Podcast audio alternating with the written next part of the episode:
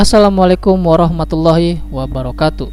Halo warga sekolah Kembali lagi dengan Capsek Sekolah Horor. Apa kabar kalian semua? Semoga baik-baik saja. Di kisah kali ini akan menceritakan Mengenai sekolah angker bekas perumahan Belanda. Satu lagi cerita horor dari gedung sekolah Yang di mana gedungnya merupakan gedung lama atau tua. Jadi kalau gedung baru saja bisa terjadi penampakan, apalagi gedung-gedung sekolah yang sudah tua atau lama, hampir dapat dipastikan akan ada cerita-cerita mistis di sana. Cerita ini bersumber dari akun Twitter @milieshaki. Sebelum kalian mendengarkan cerita ini, Capsek akan berterima kasih untuk like, share, dan komen kalian di video ini. Lanjut saja. Saatnya kelas dimulai. Jadi kejadiannya terjadi sekitar akhir tahun 2015 dan saat itu gue masih kelas 3 SMP gue dari awal masuk SMP emang udah aktif di ekstra paskibra. Dan gue masuk angkatan ke-7 di ekskul itu. Mantan capsek SMP gue kan pindah ke SMPB dan dia nyuruh pelatih paskib SMP gue juga ngelatih di SMPB yang sebelumnya belum ada ekskul paskibranya. Sekitar dua bulanan lah gue sama teman-teman paskib sering banget ke SMP buat bantu-bantu pelatih ngajarin anak-anak SMPB ini. Anggap aja di sini gue sama anak-anak SMP gue itu senior lah. Terus kan ada istilah pengukuhan gitu kan. Jadi mau ngesahin nih mereka yang tadinya capaskib jadi anggota paskibra pengukuhannya ini mengharuskan kita nginep di SMPB selama dua hari satu malam. Jadi kayak persami gitu Nah, jadi di sekolah ini tuh ada dua patung. Yang satunya cowok dan yang satunya cewek. Dan sumpah, patung ini tuh serem banget apalagi kalau malam. Jadi pengukuhan kita tuh dimulai dari Sabtu sore. Kita dikumpulin lah sama sebagian senior di lapangan A untuk upacara pembukaan. Sementara senior yang lain termasuk gua sibuk nyiapin aula yang mau dipakai sehabis maghrib nanti. Dan sialnya lampunya nggak nyala dong tapi ya gue nggak terlalu ambil pusing lah. Singkat cerita selesai sholat maghrib capaskip itu udah pada rapi gitu. Pakai PDU kemudian mereka masuk ke aula buat makan. Dan selesai makan diisi acara kayak semacam sambutan dari TNI yang emang kita undang. Nah namanya anak paskip ya identik lah sama yel yel diajarin dah tuh para capaskip yang yel yel dan semacamnya oleh para tentara. Dan yel yel gini kan nggak mungkin bisik-bisik ya jadi pasti ribut. Sampai depan aula gue ngeliat temen gue yang namanya Wiwit mukanya pucet gitu. Gue kan nanya masih Arif. Dan ternyata pas si Wiwit di dalam aula dia ngeliat noni Belanda yang ngintip di jendela jelas banget. Dan itu jendelanya tinggi dan belakangnya itu sawah guys. Jadi yang dilihat Wiwit kan gak mungkin kalau itu manusia. Sebenarnya Wiwit ini emang kadang bisa ngeliat begituan tapi cuma penakut Terus gue makin merinding setelah mendengar cerita itu. Acara di aula ini selesai sekitar jam 9. Para capaski ini disuruh istirahat di kelas yang udah ditentuin. Karena tengah malam nanti kita akan ada sesi renungan. Nah selama sibuk benerin tuh lampu, ada yang beberes-beres gitu. Tiba-tiba ada suara kenceng banget. Kayak batu yang dilempar ke genteng gitu. Terus gua sama temen gua keluar aula karena ngerasa udah ada yang gak beres nih. Duduk dah kita di bangku di samping lab. Kita berdua ngobrol aja biasa dan sama sekali gak ngebahas mistis-mistis. Tapi tiba-tiba kita dilempar pakai tutup botol aqua dong. Dan kita sempat tatapan gitu. Terus langsung ngacir balik ke aula. Gue sama senior lain briefing untuk renungan di lapangan. Gue dan beberapa temen gue duduk di bangku di antara pos satpam sama pohon Hasil briefing memutuskan renungan dilakukan di tengah lapangan. Para senior disuruh jaga empat sudut lapangan. Tiap sudut akan dijaga oleh dua senior. Katanya yang jaga sudut ini akan sebagai pagar. Atau ya maksudnya gitulah, paham kan ya? Dan gue kena jaga sudut berdua sama Raffi.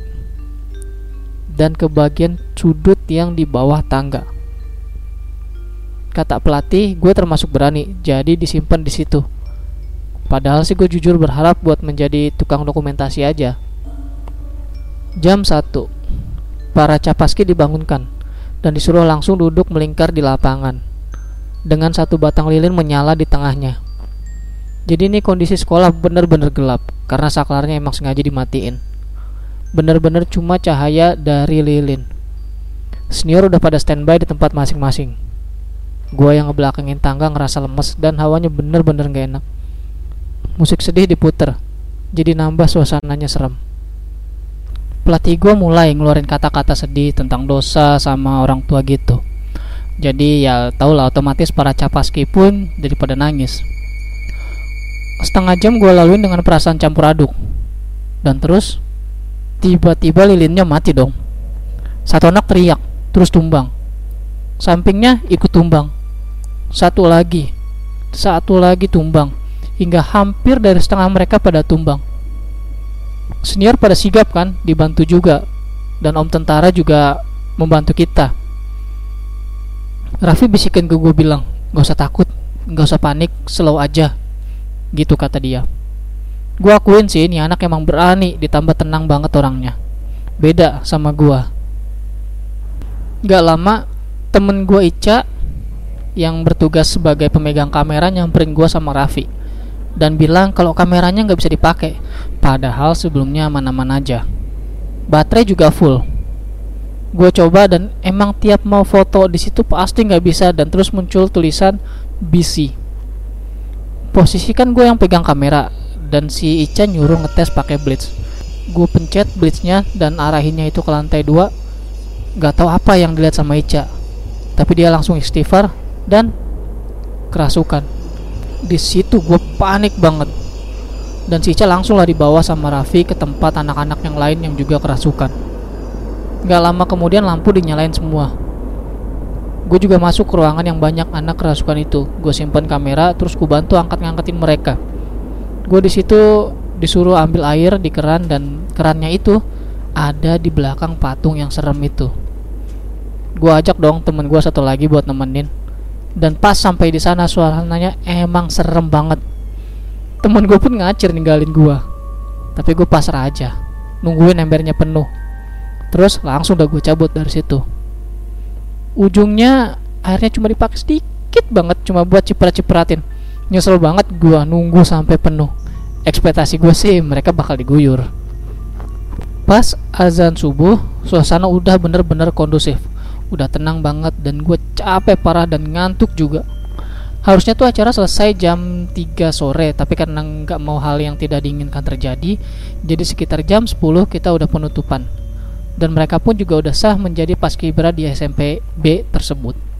Padahal sebelumnya gue sering banget nginep di situ. Akhirnya gue nanya ke senior paskibra yang kemarin ikut acara. Dan katanya sih anak indie. Katanya gue emang diikutin dan bukan cuma gue yang diikutin sosoknya cewek. Tingginya sedada gua. Dan dia tuh mulai ngintilin gua itu dari pas briefing di lapangan. Ternyata dia penunggu pohon yang dekat pos satpam itu. Bahkan pas senior gua itu ngasih tahu dia juga ada di situ. Senior gua juga bilang kalau bunyi yang kayak batu dilempar itu sebenarnya ulah mereka. Mereka nggak suka keributan sedangkan kami ya ribut. Lampu aula pun nggak pernah bertahan lama. Makanya pihak sekolah udah malas mau ganti dan pas kemarin acara emang mestinya sih dibenerin dulu. Dan inget kan kamera yang gue pegang yang bikin Ica kerasukan? Nah ternyata memang ada penampakan di situ. Hingga gue balik ke rumah langsung tidur dan bangun-bangun udah malam.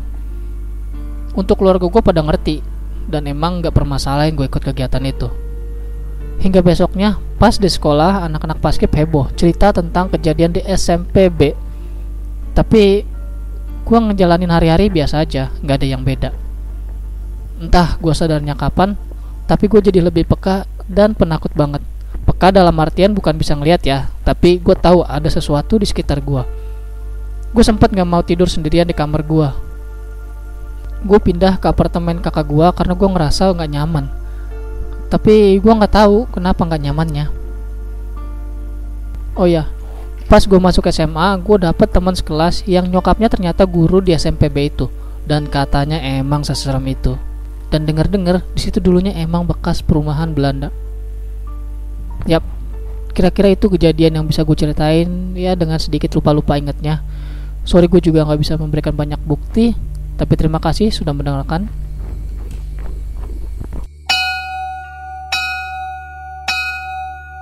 Dan itu dia cerita mengenai sekolah angker bekas perumahan Belanda. Nah gimana tuh? Pernah nggak sih selama di sekolah kalian tuh ada murid yang kerasukan gitu? Kalau iya apa penyebabnya? Pasti kan ada penyebabnya, nggak mungkin aja tiba-tiba kerasukan kan? Pokoknya itu dia ceritanya, semoga bisa ada hikmah yang kita ambil. Terima kasih buat kalian yang sudah mendengarkan cerita ini dan tentunya terima kasih juga kepada akun Twitter @milieshaki yang telah memberikan kami izin untuk membacakan cerita ini.